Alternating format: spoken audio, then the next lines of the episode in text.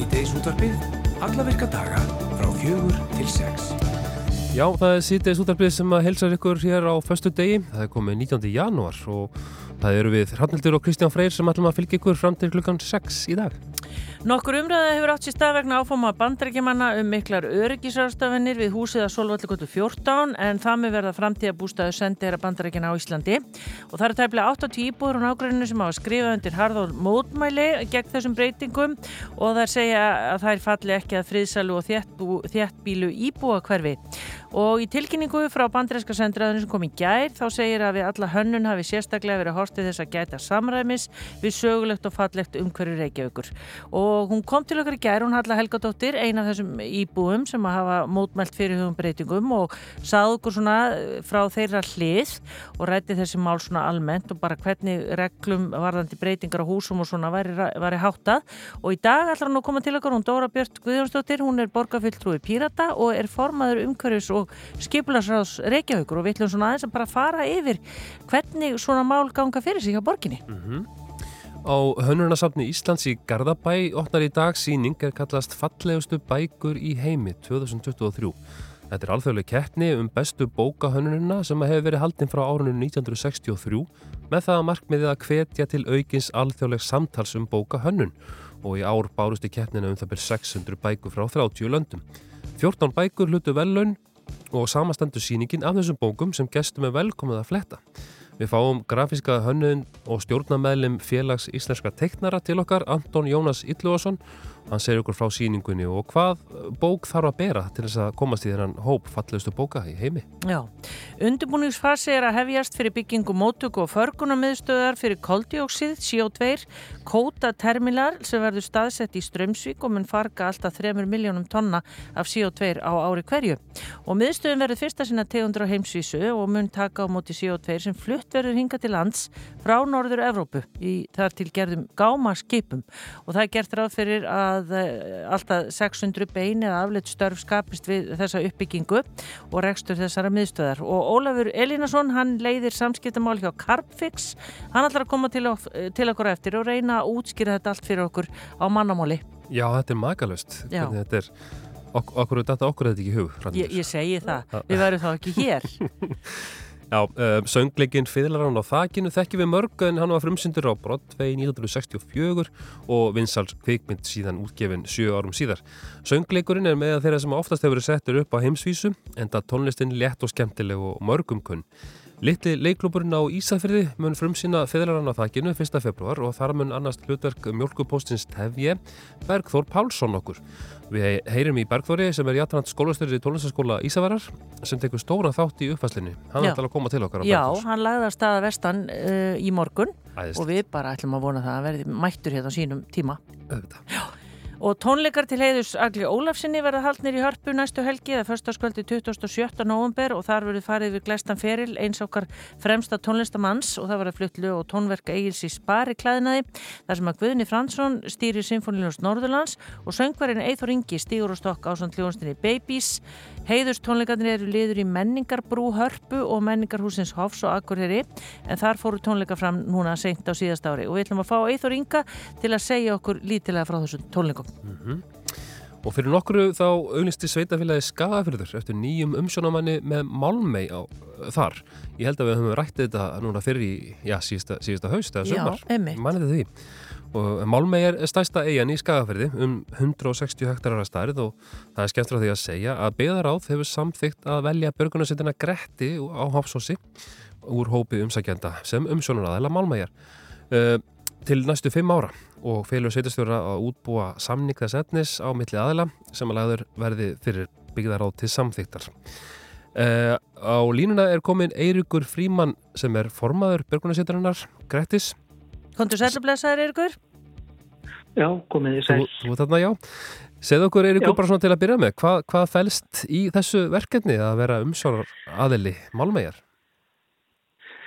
Það er, hérna, umsjónamaður hefur, hefur umsjón með hvernig gengið er um á eiguna og, og, og að vita hverjir fara í eiguna og, og hvernig umgengni er þar og, og bæta það sem þarf að bæta í eigunni ef, að- það er misbrestur á því hvernig menn ganga um þeir eru þar. Já, en, en þá kannski líkur næstu að spyrja sko hverjir ganga um eiguna, hverjir fara út í Málmei?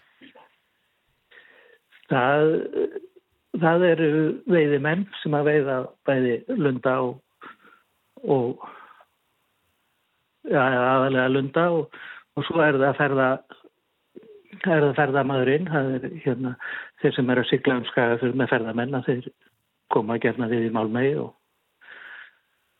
og vilja bjóða upp á, upp á sína þá eigið líka, Já, ekki bara drangi. Nei, mitt, er hérna, og er einhver aðstæða til staðar út í Málmei?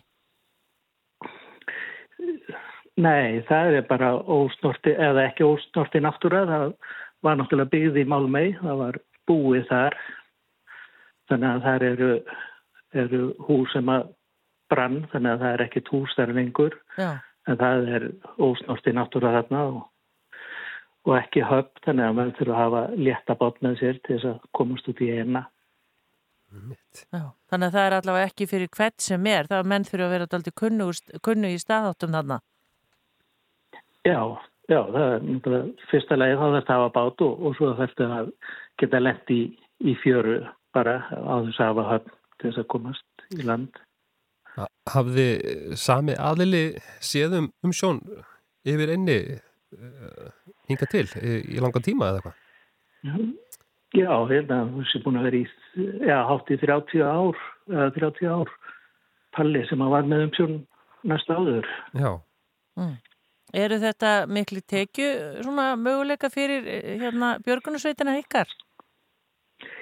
Um, nei, það er nú ekki, ekki mikið en við getum týnt þarna ekk og, og veittugla og, og höfum gerðan gert að fara nú deginu með, með palla, týna ekk og, og selt. Já, já, þannig að það séu svona upp í, upp í sjóðin ykkar eitthvað? Já, eitthvað, eitthvað aðeins. Já, en, en hérna, ég menna skiptið þessu þá á millikar eða hvernig, hvernig gerir þetta? Eh, Það er, það er hérna bara einn aðeli hjá okkur sem er um sjónamaður, það er formaður málmæja nefndar hjá okkur og, og hann sér um þetta. En hann hefur náttúrulega alla hinna með sér ef að það er eitthvað sem þarf að gera og þarf fleiri en einn í. Já. En það er einn sem að ber ábyrða á þessu fyrir björgunarsveitina. er ekki, er ekki, er ekki hérna viti í, í einni? Þurfuð þið að sitja nokkuð einhverja vakt þar? Uh, nei, vitin er á vegum vegagerðarinnar núna sem að sér um siglingamál líka. Einmitt. Þannig að hann er alveg á, á þeirra vegum. Já, en, en segðu okkur bara pínu frá, ég meina, er ekki fallegt þarna? Maður náttúrulega hefur sjálfur ekkit komið, maður sér þetta náttúrulega maður keirir og hún er náttúrulega reysa stór þessi eiga. Já, hún er, hún er stór og það er skemmtilegt að koma þarna út í eina og, og lappa um og, og við í, seitinni og bæði færið þarna sem björgunarsveitamenn í eins og ekki tingslu og svo liðis og, og margir í seitinni eru bara áhuga mennum ein, einna og, og fara, fara í hana reglulega. Þannig að það var svona, já, við erum hana nokkuð oft þannig að það er, við sjáum alveg hvernig, hvernig umgengi er og, og hvernig eigin hefur það, Já, og er, er, um, og, og er umgengnin þokkaleg? Já, já, það er allt í lagi með það, menn, menn bera veriðingu fyrir náttúrunni þegar eru, þegar menn eru, eru þar að þeir komist á svona perlur út í eiga þá, þá kunna menn alveg að gangum. Já, einmitt. Við vorum að finna á tíma hérna eh, til að ringi þig Eirikur og þú sagðir já þú getur ekki á þessum tíma þá er ég æfing í gangi þú ert nefnilega maður margra hatta þú ert núna stattur uh, eða ert að hjálpa til hjá Freyvángsleikusun í Eyjafyrði, er það ekki? Jú, Og, og hvað ert að gera þar?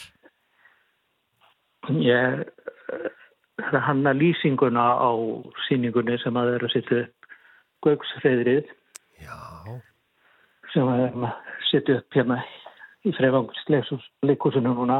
Já, já. Og frumsýning núna um, um miðjan februar? Já, 16. februar þá er frumsýnt. Já. það er spennandi. Er Er- bara náði menn í næstu sveitafjölu og ertu, ertu líka duglugur í leikflæðin í Hofsós eða hvernig er það? Já, ég, það eru áhuga á malunni Björgunarsveitin og, og leikfélagið á Hósúsi og svo hérna já, það er hvort ég geti gert þetta hérna núna og sló til með það. Einmitt. Ég nú, mann nú hérna er ykkur að, að eh, sko í minni mentaskóla gangu þá settum við upp einmitt uh, hérna þetta leikrit uh, Gauksreirið og þetta, mm. þetta sló nú eiginlega öll með bara svo, svo, ég var eitthvað við sko þannig að þú verður auðvitað svolítið mikið á rúndunum að það í februar að hérna þetta er, þetta er mjög flott leikrit og, og var svona fyrsta leikriti sem við krakkarnir í mentaskólanum þurftum bara að sína langt frá með til voru á sínum tíma? Já, þetta kom hérna í gæri og þá var fyrsta svona heila reynslið á, mm. á verkinu og, og þetta lofar mjög góðu, mjög skemmtilegt. Já. Já ég trúi því. Það var að auka síningar í Málmei í sumar. Já, þetta verður ekki settar upp í Málmei. En við segjum bara gangið bæði vel með þetta, Eirikur og ykkur öllum hjá Freyvangsleikursunu í Eyjafjörði, frimsýning og svo bara auðvitað Björgunarsveitinni Gretti í Hófsósi að sjá um Málmei og, og hérna ef að bara fólk sem er að hlusta hefði áhuga að koma, er einhver leið eh, að ringi þig, myndið þú skuttla okkur eða hver sæðið um það? Nei, Björgunarsveitin er að þær fá niður niðurgreðslu á tækjónu sínum og, og með að þú ekki verið í, í samkeppni við ferðarþjónustu fyrirtækin sem að þannig að það eru syklingar aðalegni eða þeir sem eru með ferðarþjónustu og skafafriði og bjóða upp á syklingar að þeir, þeir bjóða upp á ferðir í Málmei og, og það, er, það er best að tala við þá ef maður vil fara út í Málmei Já Gerum það. Já, bestu hverju til þín, Eirikur Fríman og gangið vel með þetta allt saman og bara tói-tói fyrir frumsýninguna. Já, takk. Takk fyrir það. Bless, bless. Já, það er um að gera fyrir áhuga sama að hafa samband. Það eru örgulega sömu aðlur og uh, siglóti í Drangæ sem að sjá um siglingar hana. Já, Og þetta er stæsta eigin, Malmei, stærri en, en dranga einmitt. Einmitt, áhugavert. Uh, hér eftir smástund þá kemur hún til okkar, hún uh, Dóra Björn Guðjónsdóttir og við ætlum að hún er sem sagt hérna uh, formaður... Umhverfis og skipulás ráðs. Já, við ætlum að þess að vita hvernig þetta gengur allt fyrir sig á borginni í þeim efnum. Einmitt.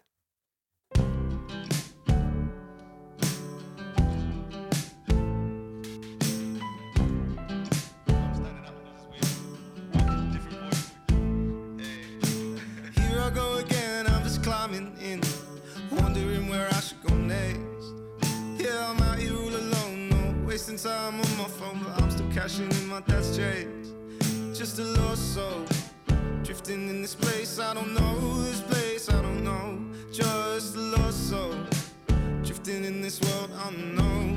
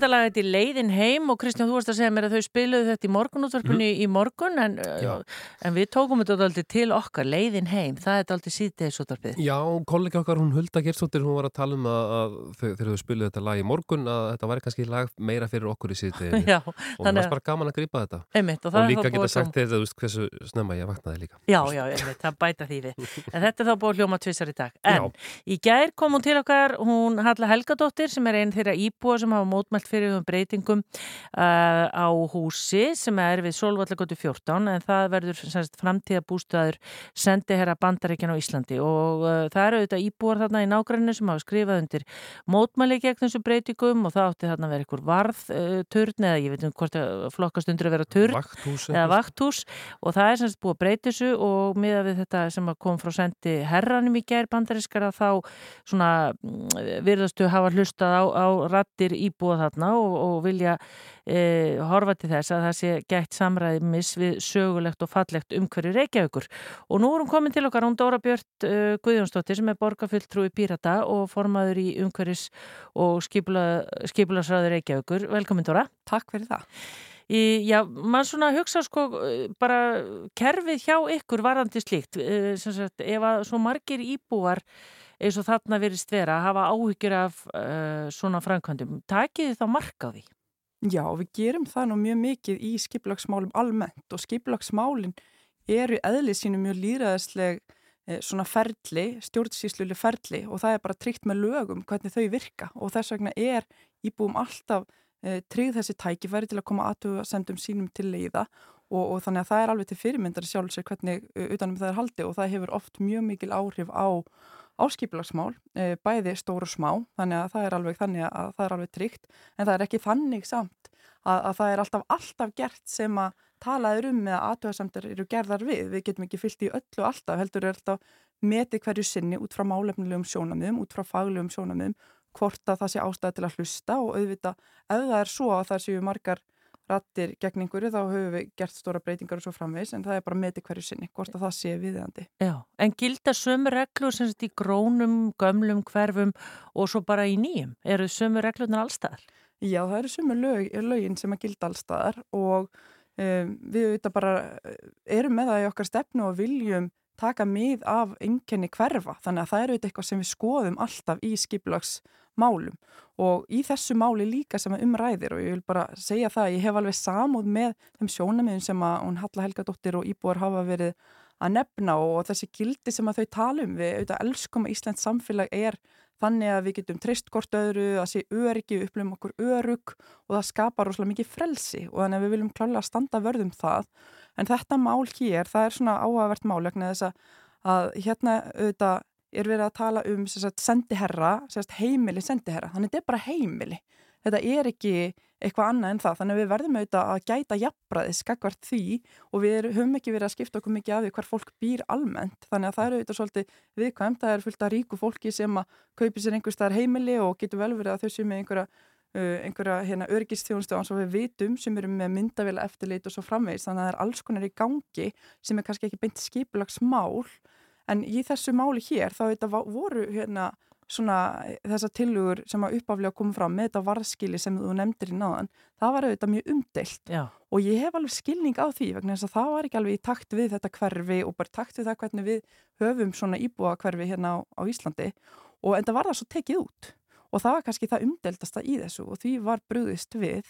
En það sem stendur eftir er það sem er verið að tala mikið um hann er girðing eh, sem er 1,8 metrar hæð og svona ofanábygging það er eitthvað sem er verið að meta bara út frá hreinum skiplaslegum forsendum ekki beint út frá forréttindum sendi erinn drega sem að er svona ákveðin forréttindi sem að eru varin í, með alþjóðlegum sáttmálum Já, um. með þessum vínar sáttmála. Já.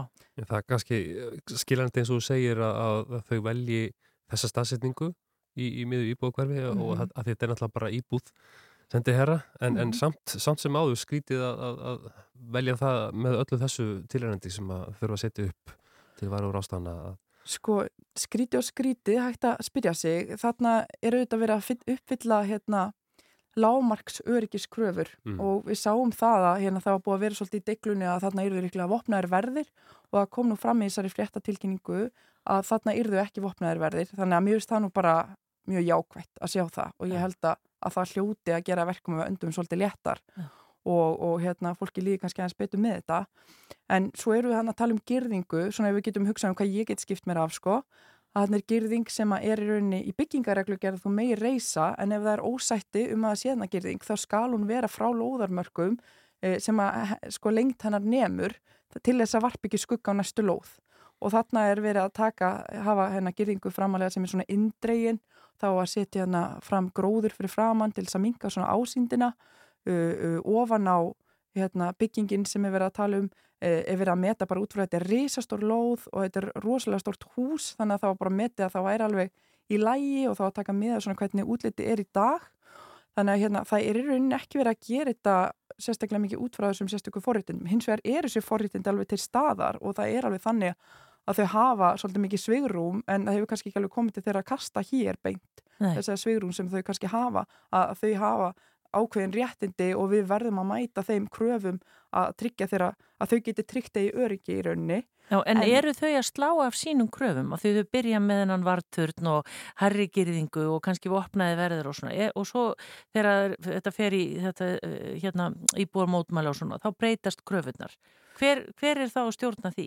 Sko þetta kom inn í rauninni sem skiplagsmál og að því sögðu þá er þetta bara í þessu formulega ferli en þá, þetta er ekki komið inn til kjöruna fulltrúa inn í umhvers og skiplagsráð, þetta er núni í grendarkynningu og það er akkurat á þessu stíði máls eh, sem að þau eru tækifæri fyrir íbúa til þess að koma með formulegar aðtöðasemtir og það er hinn líðræðslegi ferill sem við verðum að standa vörðum og hinn faglegi ferill.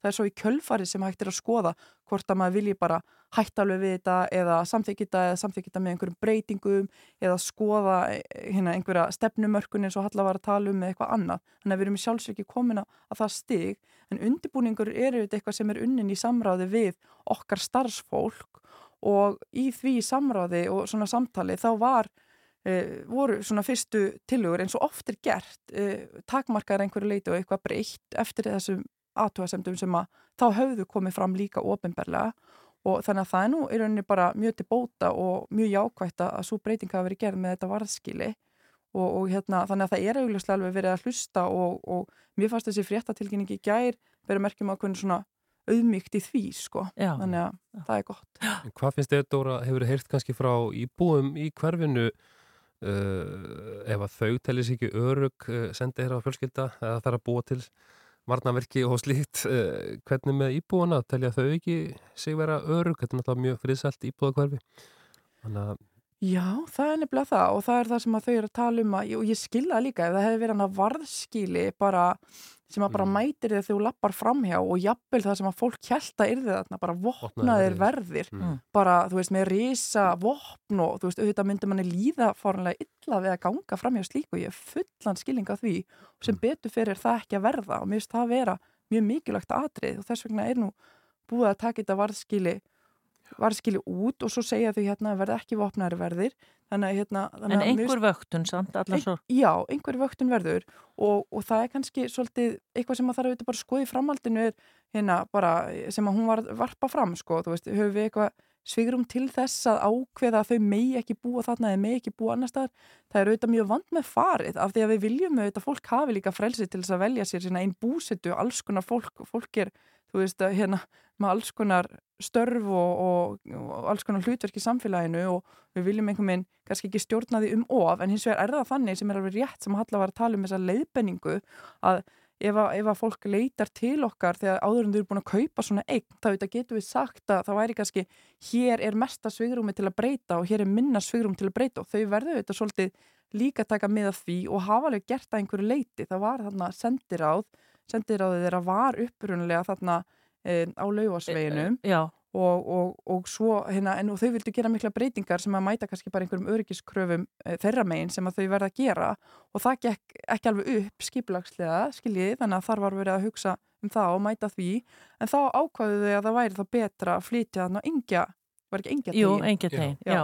Og, og þú veist af því að þar væri meira svigurum til að gera og græja og þannig að hérna þannig að það er auðvitað þannig að við getum leiðbendi ef þau koma til okkar fyrirfram en þegar þau eru búin að kaupa einhverja eign þá auðvitað hafa þau ákveðin svona forréttindi, forréttindi sendi erindrega en, en að sama skapi er þetta líka jafnbræðisprinsip af því að núna getum við kannski ekki, af því að hér eru að tala um bara skiplagsmál og það er verið að leifa þessar hluti eða, eða leggja til að leifa þessar hluti, þetta er ennþá bara í kynningu og ekki búið að ákveða eitt en eitt í þessu.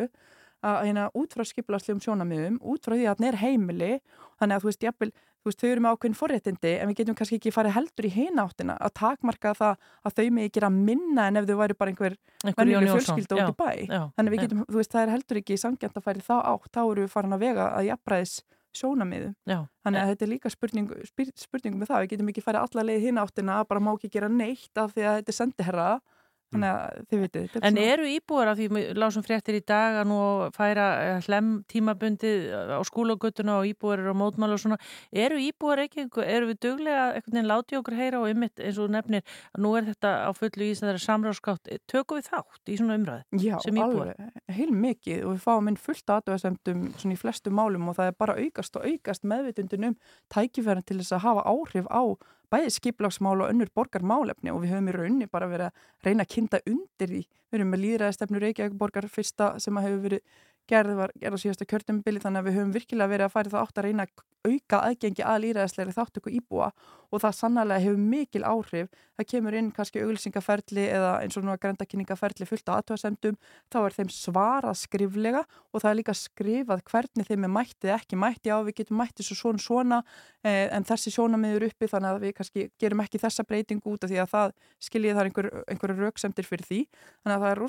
svona flott líræðslegt utanumhald um þetta og, og ég sé það bara á hverjum degi minni vinnu hvað áhrif svona rattir íbúa er að hafa. Já. Þau eru bara mikil. Já.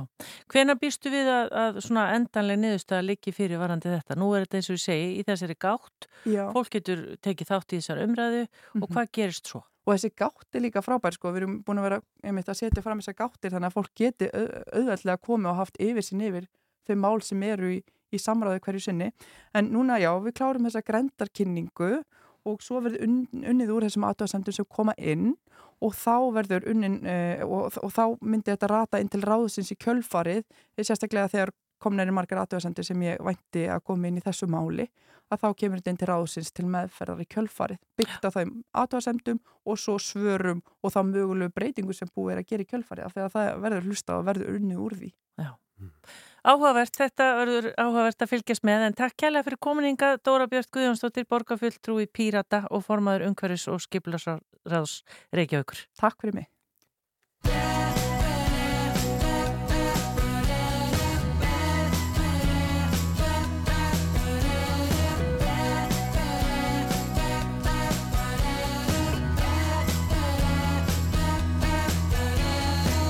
San Francisco Bay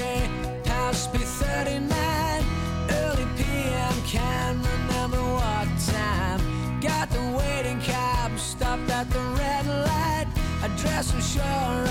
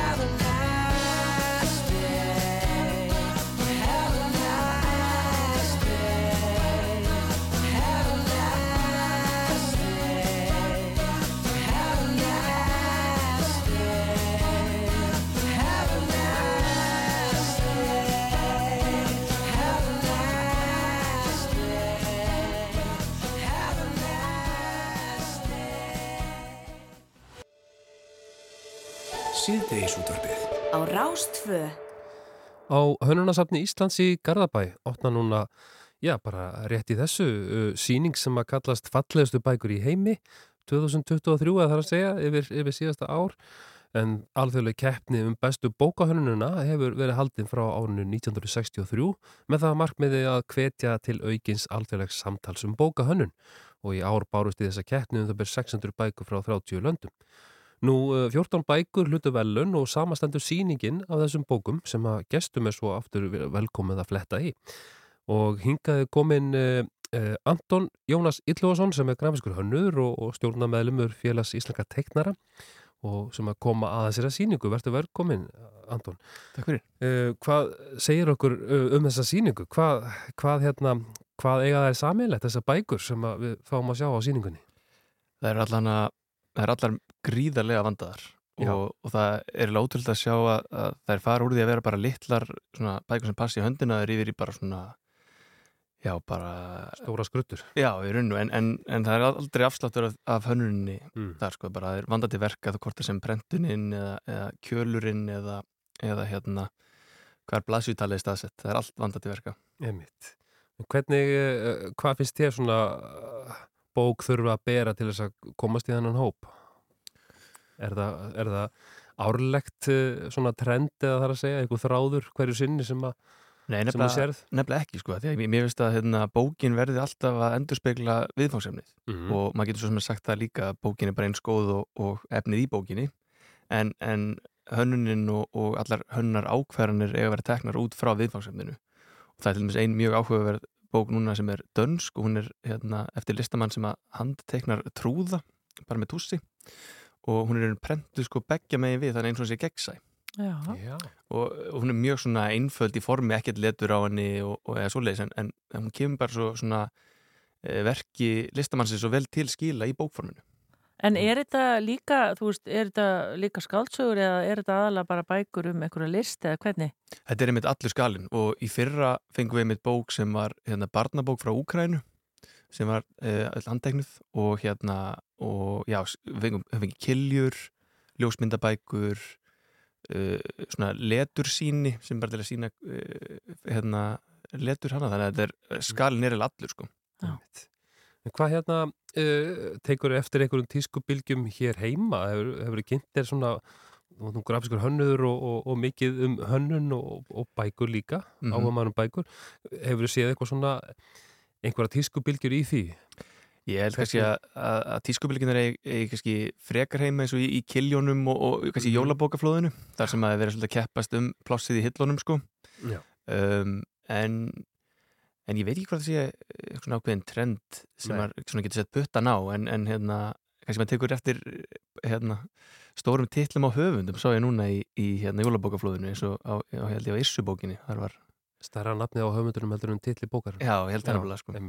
En er, er ekki íslenskir íslenskir útgefundur bara komin svolítið framalega og, og, og fara alltaf eh, skrefi lengra í að, að hanna sín, sín bókverk. Jú, algjörlega sko auðvitað er maður alltaf finna alltaf að byggja, byggja meira og meiri gæði en, en jú, gæðin við höfum klálega gæðin hérna mm. heim á Íslandi líka og, og að því sögðu að hérna, bækur sem vinna í, í fít velununum, sem eru velun sem við höldum árkvertum það besta í grafískur hönnun mm. þau, þær bækur eru gjaldgingar inn í þessa keppni, aldjóðlu keppni. Emmitt. Mm. Hvað er hérna, þessi, þetta er opnið núna klokka 5 -hmm. og hvað stendur þessi síning lengi? Hún er núna í mánuð upp í hönnunasamni og hérna við erum búin að gera þetta í, hérna, á pallirum sem er minni síningarsalunur þeirra. Á Garðatorki í Garðabæ. Já, akkurat, og, hérna, og það eru pullur hérna, fólk getur bara að greipa sér bók og, og hérna sest niður og, og skoða flett í gegn og reynda að læra þýsku, finsku eða söðu kóresku með það er að lesa að skoða. Já, og svo eftir mánuð og þá er bara einhver útnefning eða hvernig Nei, þetta eru velunuðu bækunar já, já. já, þannig að engin einn sem stendur upp úr. Það er einn sem hlaut hérna, það sem þau kalla þýsku hérna, Golden Letter sem er svona aðstu velun mm. uh, einn sem fekk gullvelun uh, tvær eða þrjár sem fekk silfur og svo brons og svo tilnefningar. Þannig að þetta er svona, svona diplóa það er ekki bara eitt sig að vera því að það er svo erfitt að dæma Áhugavert Og hvað, það var engin bók uh, hérna sem að lendir þarna en þarna voru fjölmækabækar eins og nefndir Danmörku, Þískalandi og Söðu Kóri og Östuríki mm. og, þær, það, og þú segir að það sé engin svona engin endilega þráður, þetta er alveg út um allt og, og hvernig sem er, það er, það er alltaf kannski einhvað sem að endur speikla kannski hvernig bóka svona yðnarinn er orðin og hvað hva, hérna allir að færast í hljóðbækur og allt hitt og þá kannski meira að vera vandandi verk og búa til svona stærri bókverk eða ekki? Mér finnst það nefnilega að tækifæri er klárlega þar og, og bókin sem vann í fyrra í mitt í umsöng domnenda var að tala svo mikið um það að þetta var sko síningaskrá sem fylgdi síningu við, hérna, fyrir höglistamann og það var svo fallið að þau sögða hérna, að bókin, bókin tekur allt aðra veg, vegferð um síninguna heldur en í raunverulegu síningasal. Það getur flett aftur í tíman fram á því þannig að þú ert að hugsa þetta á allt annan hátt heldur en hérna kannski bara eins og vennilega kilju sem er mest gert til þess að koma frásögnuna framfæri. Já, einmitt. Þetta er skemmtilegt. Eh, Anton Jónas Íllaðarsson, takk fyrir að segja ykkur frá síningunni og hún er eh, opna núna bara klukkan 5 eftir skammastund. Eh, stendur í mánuð. Stendur í mánuð og það er um að gera að kynna sér hana. Takk fyrir að segja ykkur frá þessu. Takk fyrir.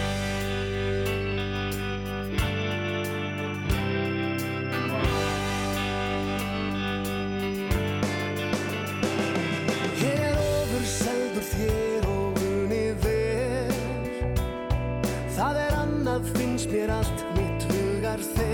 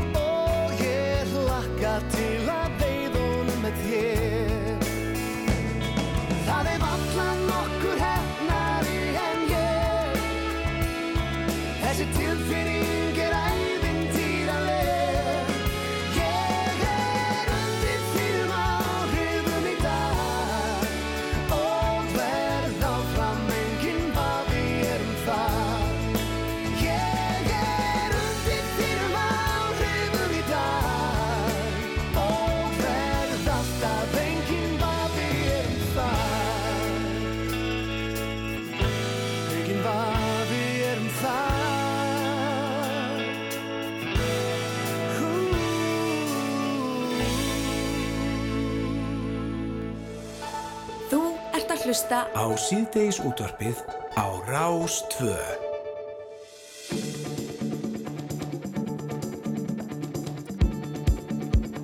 Jú, við vorum að hvaðja uh, eh, Anton Grafiskan Hönnu sem að kemur að þessa síningu uh, fallegustu bækunar. Já. Og, og hérna... Hvetur nú bara margt... alla til að kíkja í Hönnusafni í Garabæk. Já, já. En það er margt framöndan hérna eftir, eftir uh, fimm frettis Við ætlum að, að, að ræða með, með Bergþór Pálsson sem að er að standa síningu uh, á Ísafjörði á fyrirarunum að þakkinu. Ef ég væri ríkur. Akkurat. Uh, og, og svo fáum við hérna Eithor Inga í, í lók þáttar sem ætla að segja ykkur frá, frá heiðustónleikum uh, uh, til heiðus Agli Ólafsinni. Já, sem verða á, í, um næstu helgi Næstu- í Hörpu. Voru já. í hofi, eða ekki, um síðustu helgi? Já, var ekki bara fyrir áramót. Já, fyrir áramót, já, og, lok einmitt, desember, og, og já. eftir rétta viku í, í hörpu. Einmitt. Og svo kemur til okkar maður sem ætlar að útskýra fyrir okkur uh, hvernig það er hugsað að flytja inn uh, gas Já, í skipum. Já, ekki? og, og hérna, Þetta er, þetta er makalust og gaman að heyra frá því. og sprauta því onni raun á Mhm. Íslandi. Það verður að steini, þetta er auðvitað Carbfix. Já, Eh, Það eru miklar hérna, fyrirhuga breytingar í Strömsvík uh, varandi þetta og við ætlum að fá hann Ólaf Elinarsson til að útskýra þetta bara allt saman fyrir okkur. já, Já. akkurat. Ég ætla að vona að fleiri hafi gagn og gaman að því eins og ekki bara við. Já, hann, Mm. hann lísti þessu áðan við mig því ég var að tala um henni síman um að það væri sama gasi og við notum í sótavatni þegar það er tilbúið. Já, Heyrðu, ég ætla að með það vera bæta á, bæta á flaskuna hjá mér. já. Þetta en við leifum að tilkynningum og fréttum núna klukka 5 og svo höldum við áfram e, fullri ferð hér í síðdeis útarpunar ástöð. Heldur betur.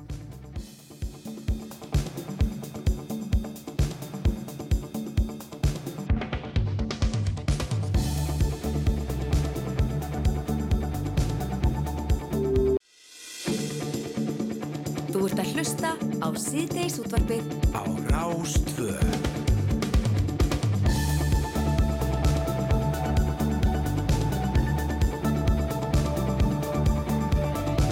Þá höldum við áfram í síðdeis útarpunu á Rás 2 og nú ætlum við að tala um CO2, Kristján. Já, Eh, akkurat. Við tölum nú ekki það á hverju degi.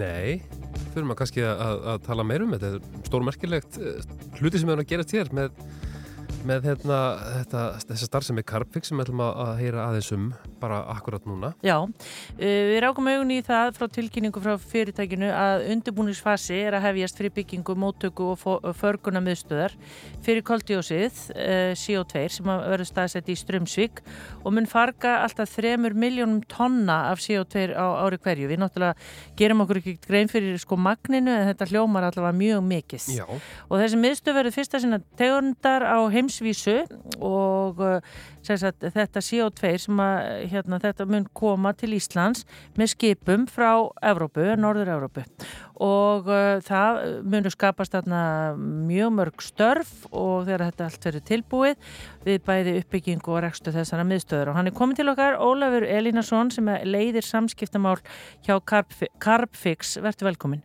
Takk kærlega. Ég veit ekki hvar við um að byrja sko en, en það er eiginlega mjög freistand að byrja á því að hvernig getur það eh, talist hagkvæmt að flytja uh, CO2 með skipum til Íslands og einhvern veginn komaði nýr í jörðina hér. Já, þetta er bara frábær spurning og, og gott að geta fengið að segja frá þessu. Í dag stendur heimurinn frammi fyrir því að það er lofslagskrísa, það er hamfara línun, við þekkjum flóð og, og hita og uh, ómengin hita við sögurum heiminn og það sem að Carbfix er að gera er að segja, herr, við þurfum að bregðast við. Uh, við höfum hérna náttúrulega laust sem er sönnuð og örug við að binda CO2 og fólk má kalla það koldioxid, koldfisýring, CO2, hvað sem það vil, þetta er allt sama efnið. Já. Þetta er bara eitt af byggingarefnum heimsins og við til dæmis öndum þessu öll frá okkur hér, CO2 Já. og öllir, öll sem er að hlusta. Og þetta er hagkvæmt vegna þess að það er ekki bara fyrirtæki og ríkistjórnir sem eru vöknuð og segja bara, herri, við þurfum að grípi taumana, við erum með loftslagsmarkmið sem við þurfum að ná og við þurfum að finna einhverja góða leið til þess að losna við þennan, ef að segja, útblástur á CO2 sem kemur í fullt af yðnaðar ferlum. Og í dag uh, þurfa fyrirtæki að borga fyrir losun. Það er kostnaðasamt að losa mikið. Og það sem að Carbfix segir og gerir er að það býður upp á hagkama laust að ef þú kemur með CO2 til okkar þá getur við bundið á náttúrulegan hátt varanlega í stein í gljúpum basalt berglugum eins og til dæmis eru hérna mikið á eldfjalleginu Íslandi. Og svo er basalt reyndaringar algengasta bergtegund í heiminum þekur um 5% og þetta er hafkvæmt því að það er ódýrara að gera þetta með aðferðunum sem við höfum en það eru bæði hafkvæmar þær eru í raun ódýrar vegna þess að hér heima höfum við aðgangað ódýri orku og, og hér er gnótt af vatni og með þessari blöndu að þá getum við bóðið upp á betri leiðir fyrir fólk að losa sig við CO2 til þess að stöðva hamfara hlínun með okkar aðferðum. Mm.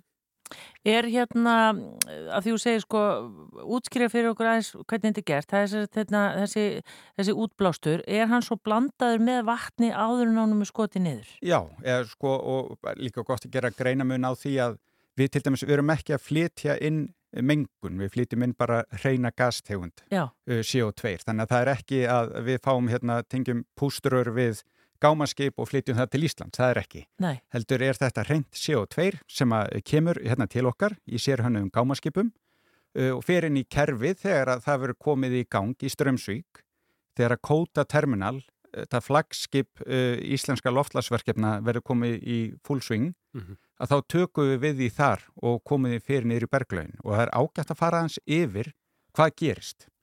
Við tökum uh, vatn og svo CO2 og við blöndum því saman þanga til að CO2 er búið að leysast upp í vatninu.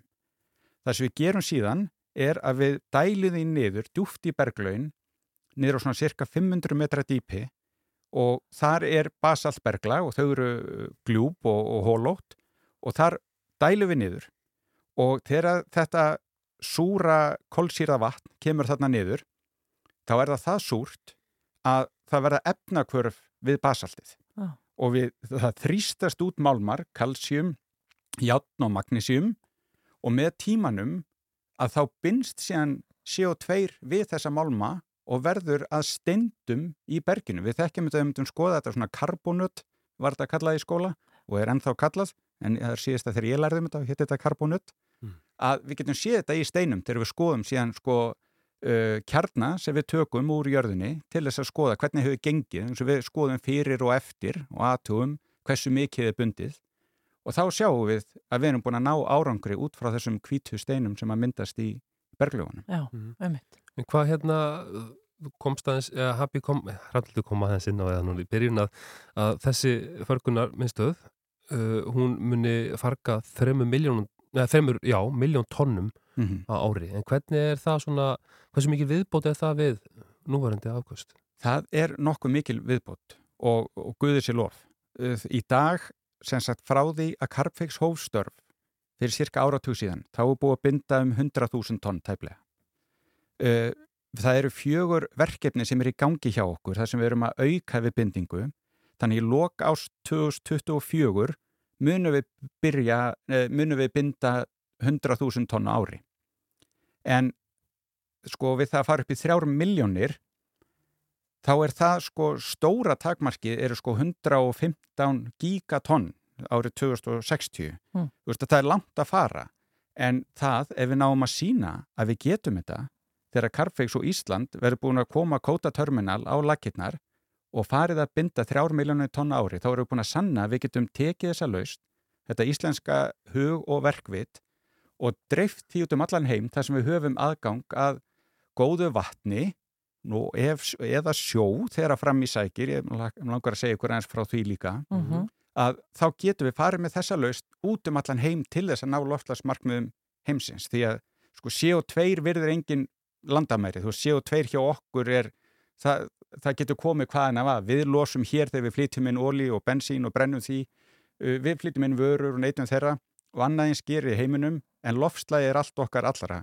eins. Já, einmitt. En við erum sem sagt í farabróti og erum að kenna öðrum þjóðum að gera slíkt þess sama. Mjög svo og, og sko vísinda fólki sem að starfar hjá Carpfix á Róskili og það hefur fengið, þeir hefur kannski tekið eftir það hefur verið mikil fjölmela umfjöllunum Erlend um Carpfix. Já, var ekki eftir þessi valin uh, bara frumkvöld eða hvað var það? Hún var eina af hundrað leitugum Mitt vísinda eh, Þegar kemur að sagt, eh, umhverjusmálum viðskiptum og umhverjusmálum Já, í og... Time Magazine. Einmitt. og þarfur utan voru við á forsiði National Geographic bara síðasta nógumber Þannig að við erum að fálega gífulega aðtegli og, og það er mikið sótt að okkur bara um, herðu, hvað er það að gera, hvernig gengur, getur við beitt þessu víðar og það er heilt heimi sem að sinni því hjá okkur að, að fara um heimin og taka við þessum beinum til þess að geta bundið CO2 út um allan heim. Já, en útskýri núna fyrir okkur uh, hvernig geti farið að nota sjó í staðin fyrir vatn? Já, það er tilraunaverkefni í Helguvík, hérna út á Reykjanesi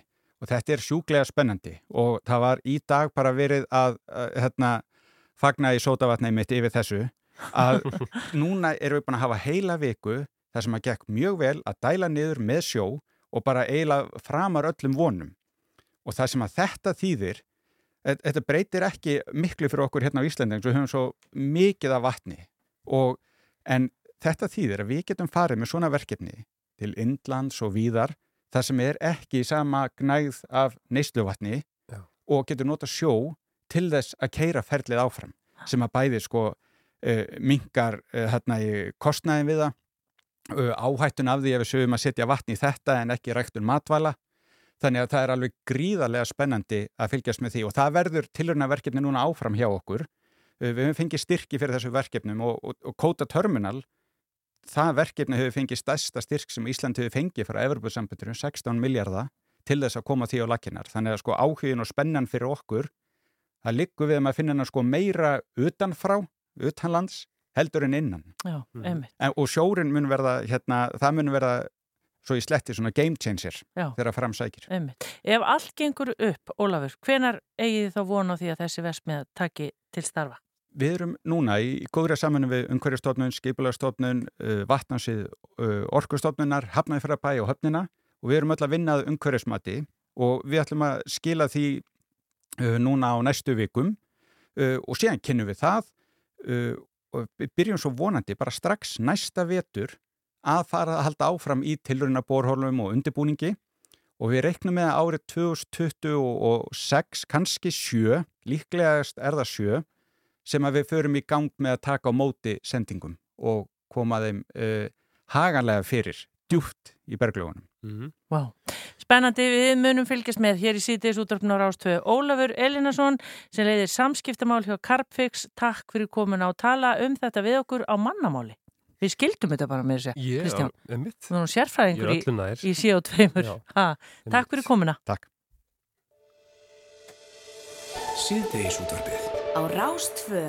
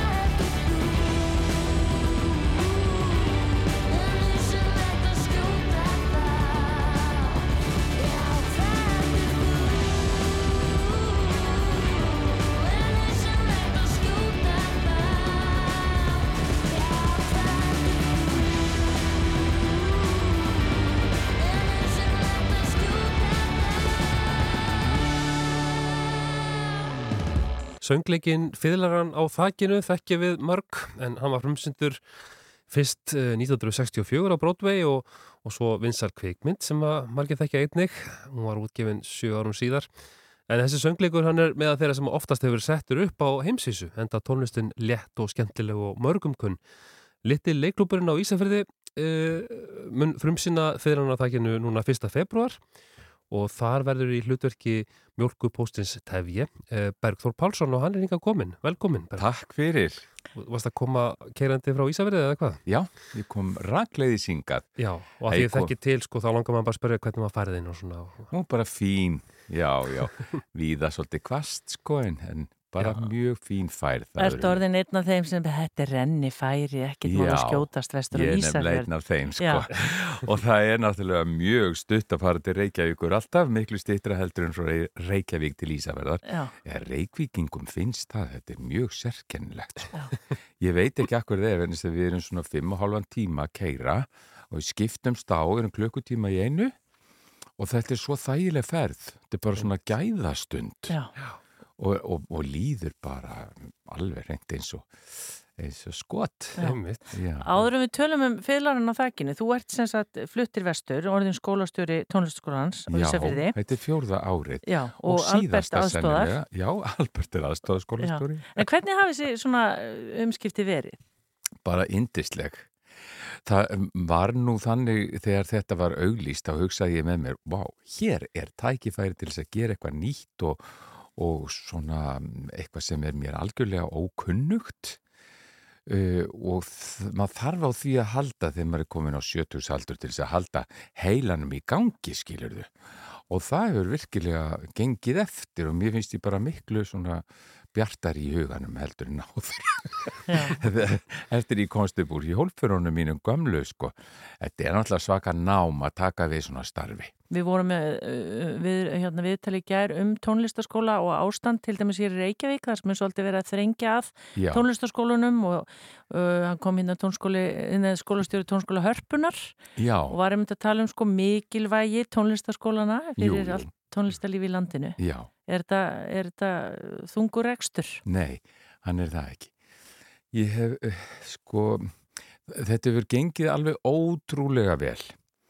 En það gerir þetta náttúrulega engin einn heldur í náttúrulega bara með stórkostlegt starfsfólk. Og um, þetta góða og jákvæða andrumsloft, það gerir það verkum að það gengur bara allt rosalega vel. Mm. Og svo hefur verið í ár 75 ára ammæliskólan sem var stopnað 1948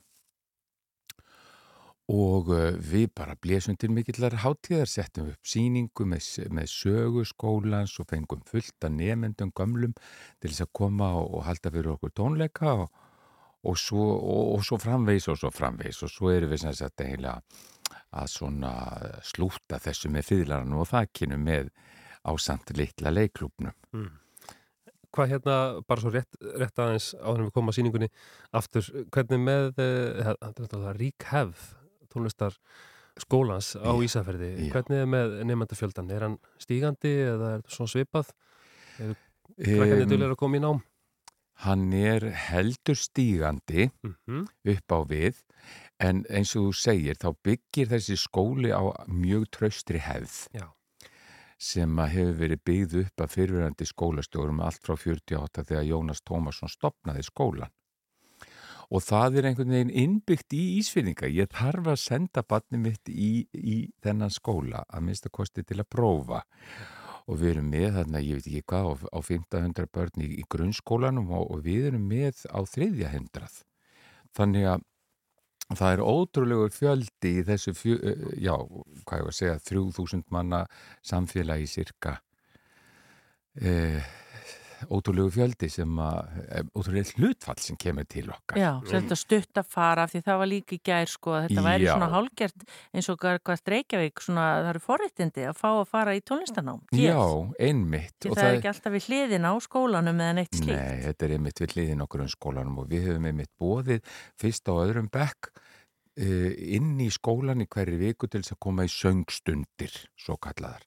Og það er bara ókipis fyrir öll börn og mér finnst þetta skipta máli að þau svona kynnist þessum gamlu hérna, á sprengisandi og allt þetta sem við eigum að kunna. Mhm. Og það er bara líka gott að fá öll börn inn í skólan þó að þau séu ekki í tónlistaskólan. Einmitt. En af síningunni, fyrir hann á þakkinu, það þið ætlaði að frumsýna 1. februar sem Já. er bara næstu grösum. Já. Hvernig hefur gengið og er þetta fjölmenn síning? Já, hún er hans í fjölmenn Mhm. og það er mjög gaman að, að taka þátt í svona, þetta er fyrsta skipti sem ég tek þátt í áhuga síningu uh, bara frá því ég var í mentaskóla undir stjórn Gísla Rúnars, það er nú langt síðan en hérna það er svo gaman að þa þarna er fólk allstaðar úr samfélaginu, það er hjúgrunarforstjórin og, og það er bæjarfulltrúi og það er eitt frægasti rítufundur Íslands sem, eru þarna að leika og dansa, þetta er svo skemmtilegt, bara virkilega E, góð stemning og þetta er svo merkilegt þú veist um, það kemur þarna propsar eða leikmunavörður og segir e, getur einhver útvega gamla saumavél fyrir hann mótel kannski heyrðu það voru konar fjórar daginn eftir Já. og það er bara svona eldgamlar saumavélar þetta er allt svo auðvelt og það er svo stutt á milli fólks þú veist Einmitt. og þetta er náttúrulega undir digri stjórn við höfum eh, náttúrulega Leikstjórnans? Já, já, Já. Þórildi Þorleifsdóttur og, og B.U. Jó sem er tónlistastjóri og hún Jóhanna Eva Gunnarsdóttir er búningahörnur, þetta er allt alveg frábærar valkyrjur sem að halda þessu saman. Svo er náttúrulega bara fólki í litla leikklúknum sem er mjög Já. þannig að þetta gengur mjög vel. Og Bergþóri Pálssoni hafi eru ekki tvindist þetta eitthvað að vera að taka niður, að taka sér aðalutverk með litla leikklúknum á Ísafirði. Veistu, þetta var eiginlega draumur minn því ég kom til Ísafjörðar að setja þetta verku upp einhver tíman og þá ætlaði ég alls ekki að vera með. Og ég var með, sér, með ákveðina sem að kæmu til greina. En um, æ, mér var einhvern veginn bara stilt upp við vegg. Þeim fannst kjánulegt að vera með einhvern sem var búin að vera 50 ára á sviði og Ísafjörði og, og nýta hann ekki og ég bara, já ég var bara, ég var lokaður út í hotni Já, en Bergþór, sko, þú komst hérna inn og sagði, Rafnildur, uh, þekkir þú söguna af uh, jólasendingunni sem ég fær ár hvert? Já. Og ég sagði fyrst nei, en svo þú fórst aðeins að tala um þetta, þá myndi ég aðeins eftir, ég hefði annarkvæmt lesið eða hlusta á því viðtali. Já. En ertu til að segja okkur hann aðeins? Sko ég var að fá akkurat núna bara í- á pósthúsinu loksins jólabrefið sem að átti að koma núna um þessa, þessi jólin hefur eitthvað senkað og það er, það er nú oft gafir sem fylgja þessu, hérna er til dæmis par Já. sem er eh, svona lítil stitta af pari eins og er oft er hún á brúðartertum. Og hún er greinlega brotin og hefur verið límt saman með tyggjói. Og svo vantar hausin á aðra personuna og það er það er bara að setja einhver svona lítil jóladulla í staðin. Er, gafirnar eru alveg sér kapitúli út af fyrir sig. Og svo er náttúrulega fjölskyldan, það er mest sagt frá fjölskyldunni. Eh, það er mikið um veikindi og svona og, og nöfnin er alveg stórkostleg. Ketill Áslákur, hann kom nú að vestan með sjúkraflutningabifræð og svona fór í aðgerð á landsbítalanum og svo er mikil saga um það. En hér til dæmis í þessu nýja þá er talað um kaktus bóas, hann er köttur gilfa á ling hann byrtist skyndilega aftur eftir þryggjára fjárveru hann var illa á sig komin með blind auga, saman skroppin skakkur með upplitaðan feld. Dýralæknirinn sagði hann vera með illkynja krabbamein og kaktus bóas var því svæður til eilíðar tveimur dögum eftir endur komuna. En hann byrtist svo aftur fjórum vikum setna, alheill, stór með gamla feldin sinn, Gilvi hafi látið brennan svo það er alveg reynd ótrúlegt að kaktusbói sé í heilu lægi og laus við krabba minni. Svona sögur koma, þú veist, í brunum bara skálskapur já, já, greinilega grun, þið, hefur, þú, þið grunar ekkert hver? Jú, mig grunar að minnst að kosta 8-10 manns en ég vil alls ekki vita hver það er Nei. það myndi taka því svona já, skemmtunina já. En Mér... náði brefið ekki til Ísafjörðar? Nei, það var bara sendt á póstús í þetta skipti sem þetta var merkilegt Já Ég held að þetta hljóti að enda uh, með einhverju leikvæslu á sviði. Já, okay. Veistu það, þetta verður einhvern hérna, sjónvarstættir. Já. Hvert bref verða sjónvarstættir. Segir Bergþór Pálsson. En hvenar er þess að frumsýning? Fyrsta februar? Já, hún er fyrsta februar í Edinborgarhúsinu og Ísafyrði og, og ég sé að það er bara fullt af fólki frá Reykjavík og, og, og bara allstaðar af landinu sem ætlar að fá sér hérna, gönguskíðaferð og taka hérna, fyrirlaran á þakkinu í leiðinni og það er að kaupa sér miðaðin og litli leik .is. Littli leik Akkurat, það er svo hó, mikil hóvar þarna yfir mannskapnum. En þetta er greinilega bara allt samfélagi sem að, sem að teku þátt og já, já. algjörlega og fullt að sauma velum á staðnum og svona. Já. þannig að þetta verða síningar sem að verða möguleik gangi frá fyrsta og, og inn í, í februar mánuð eða... Já, við höfum reyndar húsi bara til 16. þannig að við þurfum að hafa síningar næstum því okkar í degi. Einmitt, ofan í forhálblót og annað.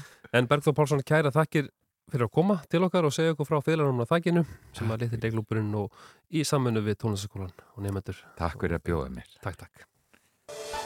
Þú ert að hlusta á síðdeis útvarpið á Rás 2.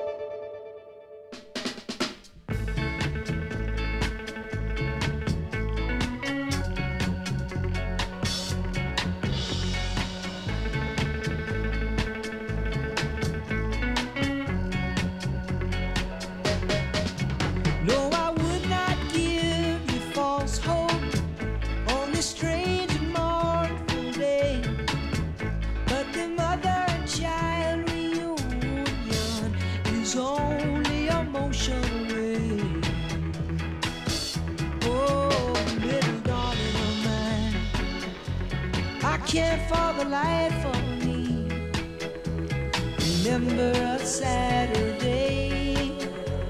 I know they say let it be, but it just don't work out that way. And the course of a lifetime runs over and over again. No, I would not give you false hope no. on this train.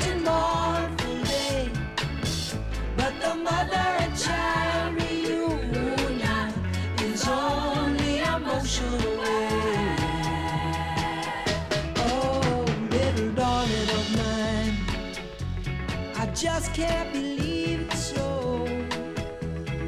Though it seems strange to say, I've never been laid so low. In such a mysterious way, in the course of lifetime runs over and over again.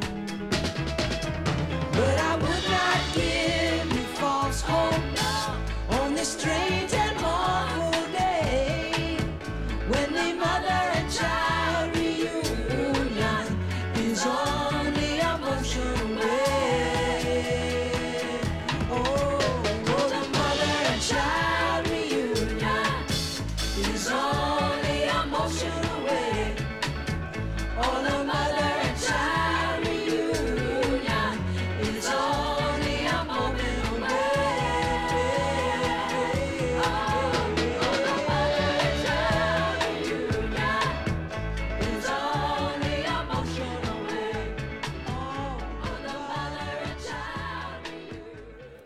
Kristján, þú valdir þetta lag. Eitthvað sérstu gástaði fyrir því? Já, ég, ég, hérna, ég held ég að lesi bara einhvern tíman að, að þetta lag fjallaði einmitt ekkit endilega um móður og barn. Lagið heitir Mother and Child Reunion en uh, ég heyrði þetta hafi verið um, um uh, kjúkling og, og egg, eitthvað rétt sem hann hafi borðað og, og hugsað um, um kjúklingin og, og eggið og og hvernig þeir mættu þarna? Gat nú verið, maður er búin að ímynda sér þetta var eitthvað ægilega væminn texti og hugsa þetta alltaf þegar maður hlustar á þetta og svo er þetta bara eitthvað egg og ekki og bacon þó. En við erum komið góðan gest. Hann heitir Eithor Ingi, velkomin. Hei hei Hvað segir þú gott í dag? Bara rosa fínt, já, rosa fínt Þetta er svona viðtal, við ætlum bara að vita Já, þetta er bara, já, já, já, já.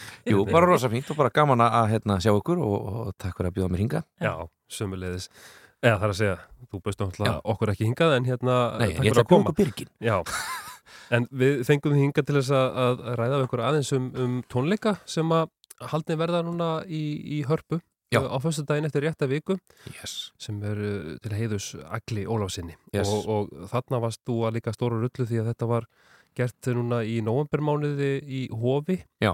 og við sögum hérna frá því fyrir þættinum að þetta væri, e, þetta væri menningabrú Já, milli. Og, og, og menningahúsins ofs á Akureyrum, skemmtilegt. En þarna verða sem sagt uh, þarna verður farið fyrir Egil's Ólasonar og, og fluttur á lög og tónverk. Mm -hmm. í spari klænaði Guðni Fransson stýrir Sinfoníu hljómsveit Norrlands og þú stýur hérna stokk á hljómsveitinni Babies. Akkurat, Já, akkurat. Hva, Hvernig farið þið yfir? Já, ferilinn, er þetta, er þetta allt frá byrjun Egil's og Sko, ef, já, ef við ætlum að fara yfir ferilinn að já. þá er þetta tónleikaröð út árið. Þannig að ekki einn smá ferill. Og, en hins vegar að þá, þá verður þetta ver, sprettur þetta verkefni aðeins upp úr því að, að við höfum verið að fást við þessa músík í og hljómsveitin Babies. Það er að segja að fást við, við tónlist Þursana. Mm. og erum að á, á 50 ára afmæli gætins verið plutunar er ekki 50, 40 eða 50, betur hvernig Ég er ekki góð í þessu. Æ, nú er ég næst fyrir glæður Ok, allavega, það er 40 eða 50 ára amali ég man, hérna, manu ekki hvernig hún kemur út. Uh, líklega 40 ára amali Ég skal googla með þú tala Já, ég hvinn út úr og svona sverði ég svona allt við hérna, hérna, Já, við, við, það var allavega amali í fyrra. Og við ákvæmum að heiðra þá plötu uh, með því að spila hana einu sinni í gegn. Og, og, og það svona vatt upp á sig uh, í, í kjölfarið eða þá hérna þá hérna sagt, dregur Egil sig svona í hlje frá, frá, frá sviðinu mm. og, og, og hérna og þá fóru svona stað svona, menn fóru að snúa svona, svona og skoða ferilnans hér og þar. Og ég held að þið hefði gert það hér og, og eins held ég á tónlistavelunum og svona. Og við erum fengið til að koma og flytja Egil Sirpu uh, í, í sjónvarpinu þarna og, og þá láð það einhvern veginn bara beinast við að því vorum með þessa þursasirpu að taka yeah. með þetta þursa, búin að vera garfíustu þursarmúsík að taka svolítið þursalegt eh, sjónarhóttn á, á, á, á eigil og, og, og þar með verður þetta verkefni til að, að hérna, Þorvaldur eiginlega e, ringir bara daginn eftir bara þetta var geggjað og við þurfum að gera þetta með Sinfo og og þannig að, þannig að til verður þetta verkefni. Þess vegna er í rauninni sko það er verið að fara yfir feril eigils uh, með áherslu á þursana þannig að eftir hlje er svona meira þursaflokkurinn mm -hmm. en fyrir hlje sem er alveg bjánalegt að segja fyrir hlje reynum við að stikla á stóru já, já. af því að þetta er náttúrulega lengi smá fyrir sko. við erum að tala um þetta spilverk þjóðana við erum að tala um stöðmenn, við erum að tala um soloplöturnar uh, leikuverk jafnvel sko, sem mann hefur samið músík fyrir og, og, og allt það. Og enn erum við bara að tala um tónlist hann er náttúrulega leikari líka sko. Ég er búin að finna þetta 45 ár. 45 ár? Já, 1978 Þú ert þarna alveg á milli. Okay. en, hérna, en, en þú og þessi tónlist hefur alltaf verið svona hugfangina til dæmis þursarfloknum? Já, já, já, sér, sérstaklega þú veist spilverki líka og, og auðvitað stuðmenn. Uh, uh, maður væri bara til í að hafa bara eitt af þessum böndum á fyrirskráni sko.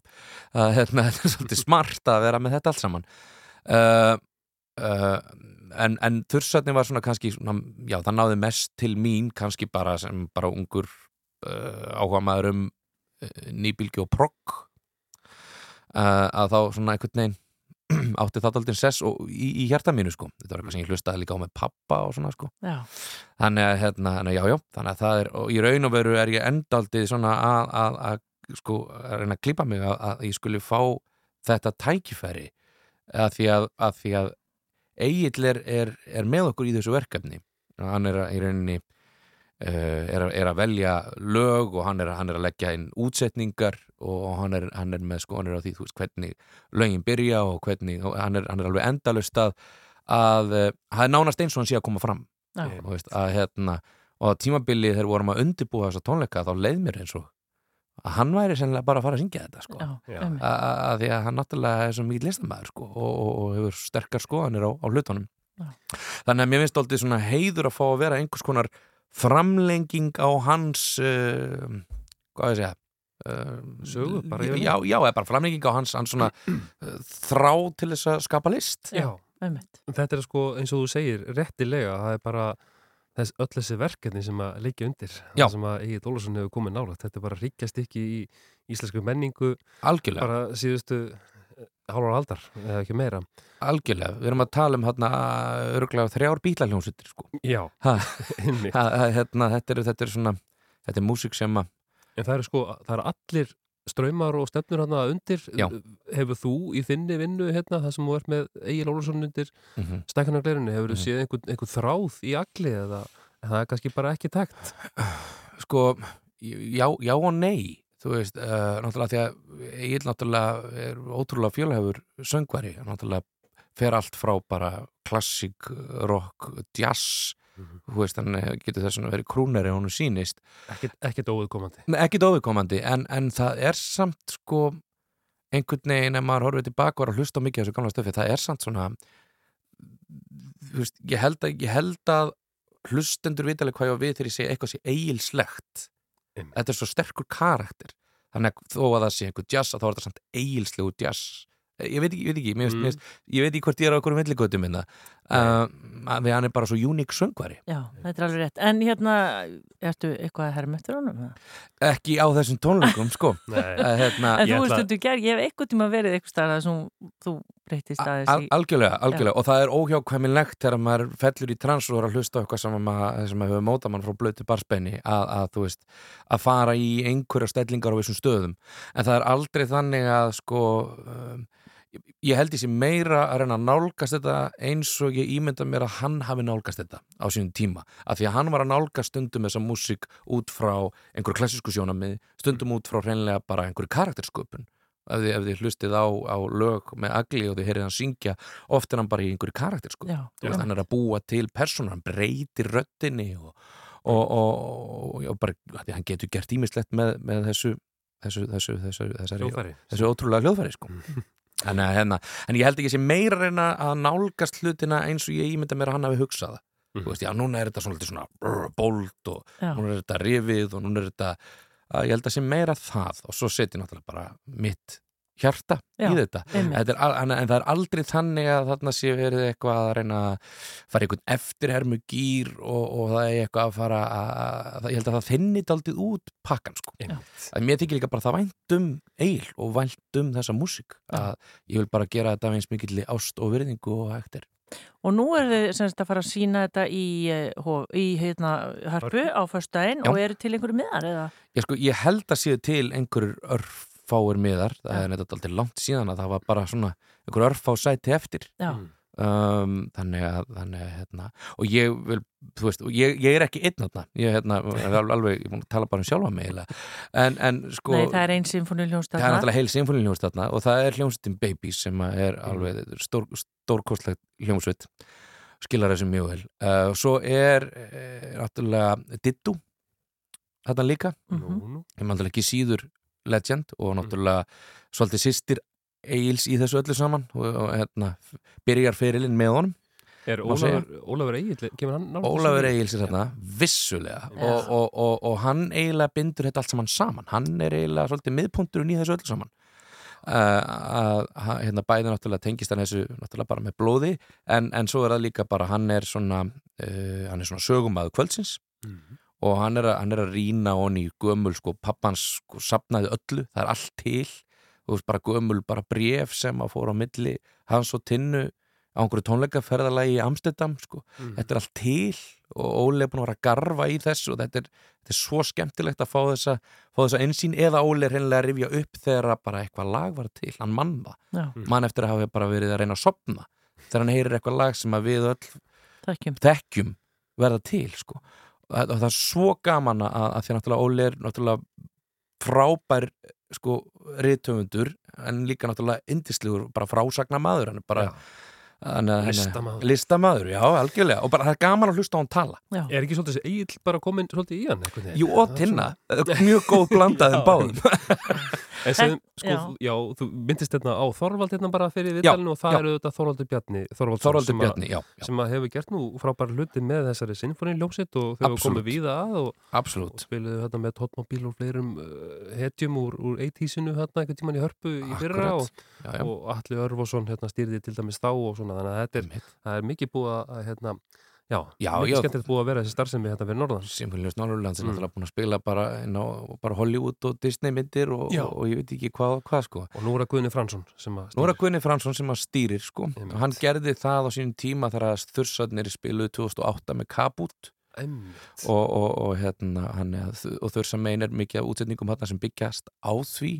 En svo er heilmikið af, af, af uh, nýjum útsetningum og náttúrulega búið aðlaga er útsetningar að Symfó og það er allt í, í höndum Þóruðs Magnússonar Aha. sem er, já, er mikil, mikil snillingur. Og hérna hann er búin að gera þarna alveg já, alveg bara svona það eru hérna útsetningar eins og einhverja útsetningar það var eiginlega með eitthvað visjón af óbáslega frægur, það er tekið niður þannig að textin myndi njóta sín betur. Mm -hmm.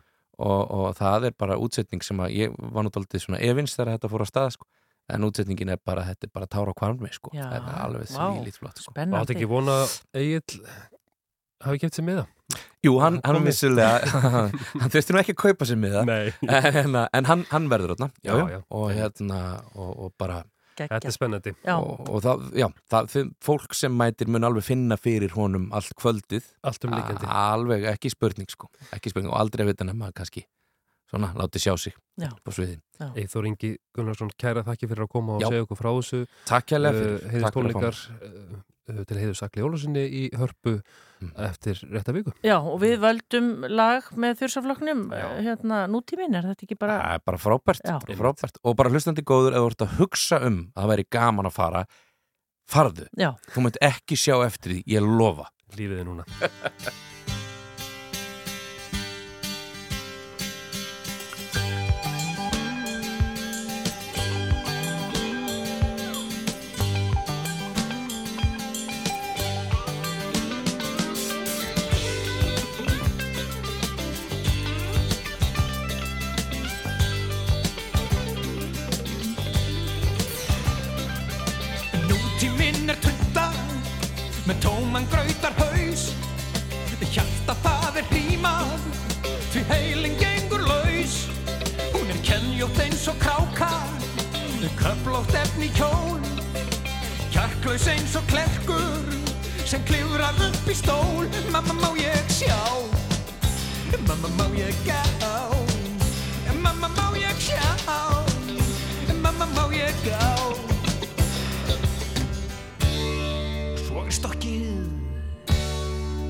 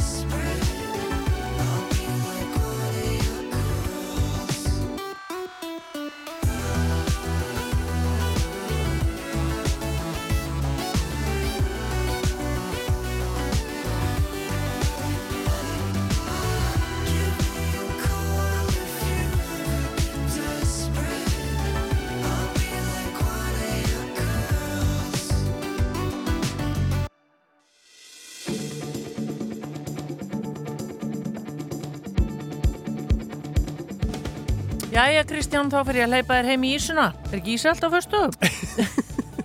það er sín bútugur. Ah, sín bútugur alltaf. Já, sín bútugur. Hvað er það alltaf? Það er eitthvað slutið á þosk, held ég bara, þoskkinnar. Bútugur.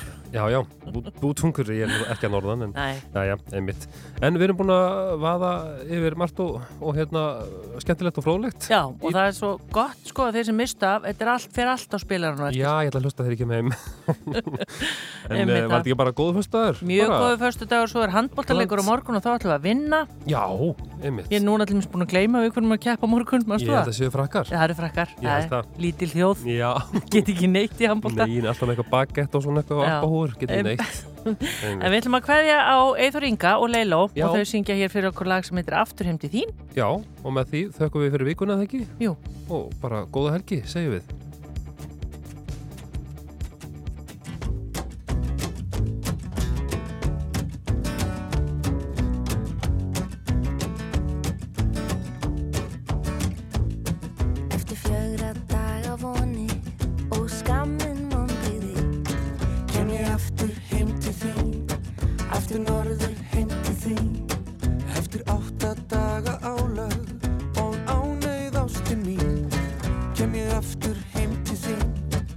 Kem að sunnan heim til þín.